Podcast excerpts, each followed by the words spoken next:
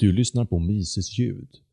Idag avhandlas artikeln “Konservatism och frihet kräver radikala nedskärningar”. Författaren Sean Gabb. Svensk översättning. Publicerades på mises.se 16 augusti 2020. Inläsare Magnus hälsar dig välkommen. Detta är ett tal som hölls för Conservative Future den 16 februari 2009 av Sean Gabb direktör för Libertarian Alliance. Han förklarar vad som behöver göras om man vill använda demokratiska medel för att återställa friheten. Jag vill börja med att berömma ert mod att låta mig tala till er här ikväll. Jag är direktör för en organisation som under 1980-talet jobbade hårt på att försöka ta över Conservative Partys ungdomsrörelse.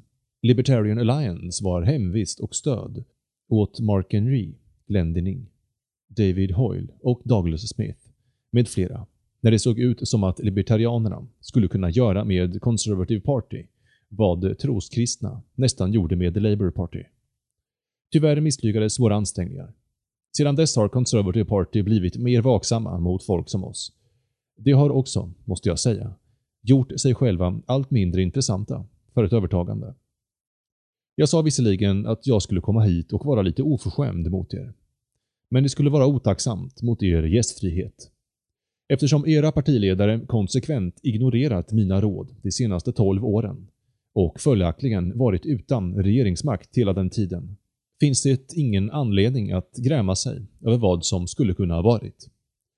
Nu är vi där vi är och jag tror att det vore nyttigt om jag kortfattat sammanfattar mina råd till en framtid konservativ regering.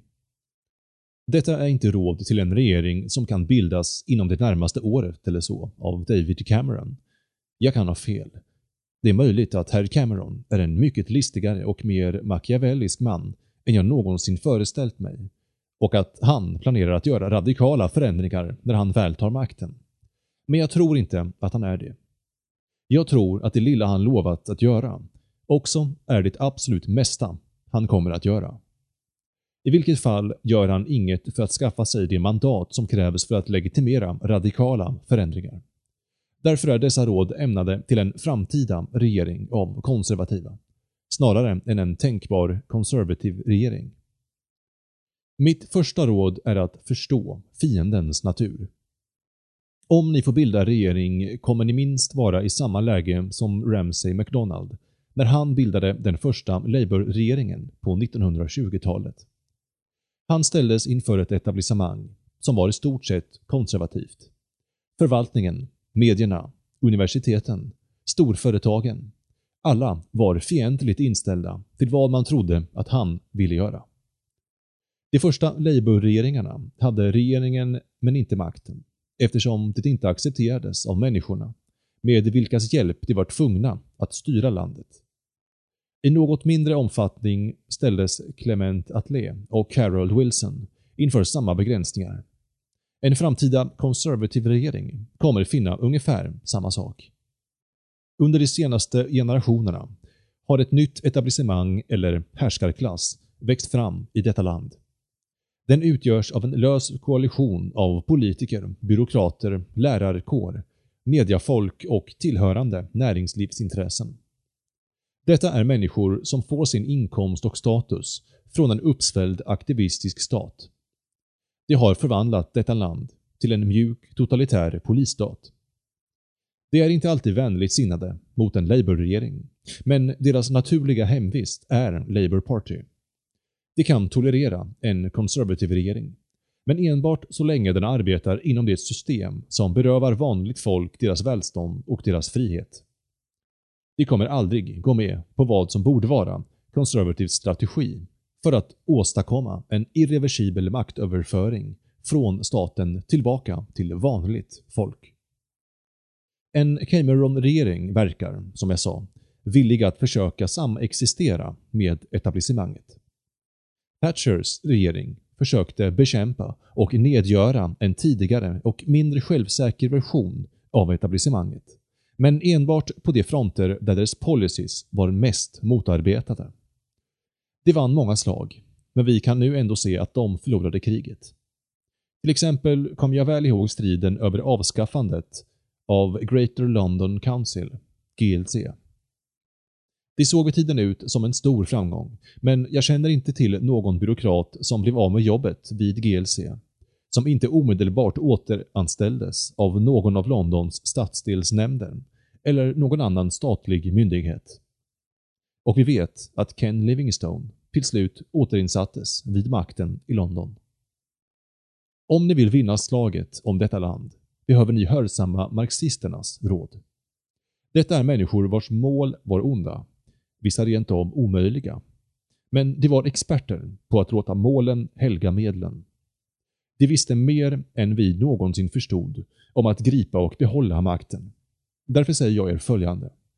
Om ni någonsin kommer till makten och om ni vill åstadkomma den irreversibla maktöverföringen till vanligt folk ska ni ta till er vad Marx sa 1871 efter misslyckandet med Pariskommunen.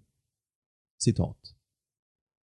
Den franska revolutionens nästa försök kommer inte längre, till skillnad från tidigare, vara att överföra den byråkratmilitära maskinen från en hand till en annan, utan att krossa den. Och detta är en förutsättning för varje riktig folkrevolution.” Slutcitat. Det här betyder att man inte ska försöka arbeta med etablissemanget. Man ska inte försöka jamsa med den. Man ska inte försöka strida mot det på smala fronter. Man måste betrakta det som en ledefi och man måste krossa det. Första dagen av er regering ska ni stänga ner BBC. Ni ska ta det ur eten. Ni ska ogiltigförklara dess immaterialrättigheter. Ni ska slänga ut dess personal på gatan. Ni ska inte försöka privatisera BBC.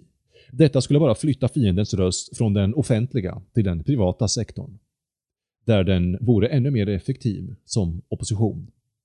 Ni måste stänga ner det, och det omedelbart. Ni måste göra detsamma med mycket av förvaltningen. Utrikesdepartementet, en stor del av inrikesdepartementet, Myndigheten för rasjämlikhet, allt som har att göra med hälsa och säkerhet och planering och skydd av barn. Jag menar en stor del av den offentliga sektorn. Dessa ska stängas ner. Om ni inte har stängt ner hälften av staten efter första månaden vid makten håller ni på att misslyckas. Om ni har stängt ner halva staten har ni tagit ett steg i rätt riktning och är redo för ytterligare nedskärningar. Låt mig betona att syftet med dessa nedskärningar inte är att spara pengar för skattebetalarna eller lyfta en jättelik byråkratisk börda från deras ryggar. Fast det skulle göra även det. Syftet är att förgöra etablissemanget innan det kan förgöra er. Ni måste riva upp maktens nätverk och de personliga förbindelser som gör dessa människor till effektiva motståndare mot radikal förändring. Om ni gör detta kommer ni inte möta mer protester än om ni gick fram långsamt och halvhjärtat. Återigen, jag minns kampanjen mot Thatchers nedskärningar. Det var inga nedskärningar, förutom i tillväxttakten i statliga utgifter. Man skulle inte kunna tro det, att döma av den störtflod av protester som vällde in från etablissemanget och dess underhuggare. Och därför är mitt råd att göra riktiga nedskärningar och vara beredda att bussa polisen på alla som vågar ställa till med uppror mot er. Jag kan inte se att ni skulle få några problem med valmanskåren med detta angreppssätt. De flesta konservativröstare skulle välkomna skattesänkningar och en återgång till frihet. Och de som blivit av med jobben röstar ändå inte på konservativ, varken nu eller någonsin i framtiden. Jag råder er dock att lämna stora delar av välfärdsstaten i fred. Det är beklagligt, men de flesta i detta land gillar idén med avgiftsfri sjukvård, gratis utbildning, pensioner och arbetslöshetsförsäkring. Dessa måste försvinna i det långa loppet. Men de måste kortsiktigt behållas för att behålla väljarnas stöd. Deras kostnader och praktiska genomförande bör granskas. Men att skära i välfärdsstatstransfereringarna skulle inte vara politiskt klokt under revolutionens tidiga dagar. Jag har redan talat längre än jag avsåg. Men det är värt att göra ytterligare en poäng. Vi måste se över våra konstitutionella arrangemang. Den brittiska konstitutionen har alltid varit som en bal på slottet för det fina folket, dit vanligt folk egentligen inte var välkomna, men som ändå fungerade för att skydda vanligt folks liv, frihet och egendom. Vissa delar av denna bal dansar vidare, men fyller inte längre sina gamla ändamål. Det är ett fikonlöv för allt dunklare administrativ despoti. Jag var ända tills alldeles nyligen övertygad monarkist. Jag måste nu medge att drottningen har tillbringat det senaste halva seklet med att bryta sin klöningsed vid varje möjligt tillfälle. Det enda dokument hon någonsin tycks ha varit ovilligt att skriva under är egna checkar. Konservativa måste komma ihåg att vår tradition sträcker sig inte enbart genom Edmund Burke till kavaljerna, men också genom Tom Paine till Oliver Cromwell. Vi lever i en tid då det är nödvändigt att vara radikal för att vara konservativ. Vill ni ha en konservativ regering som kommer att lyckas? Eller vill ni om 20 år titta på ännu fler dokumentärserier där dagens konservativledare, äldre och säckigare, diskuterar hur det gick fel och hur de blev undanträngda av en Labour-åtkomst? Men nu har jag talat länge nog och jag är säker på att ni har mycket att genmäla. Jag tackar er därför återigen för er generositet i att bjuda in mig och er hövlighet att lyssna på mig. En kombination av tystnad och sporadiska applåder följer.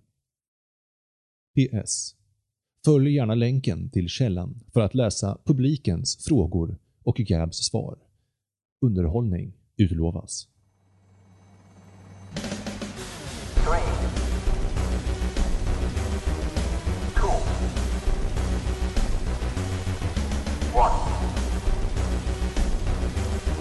Last, don't put your trust in politics and political parties.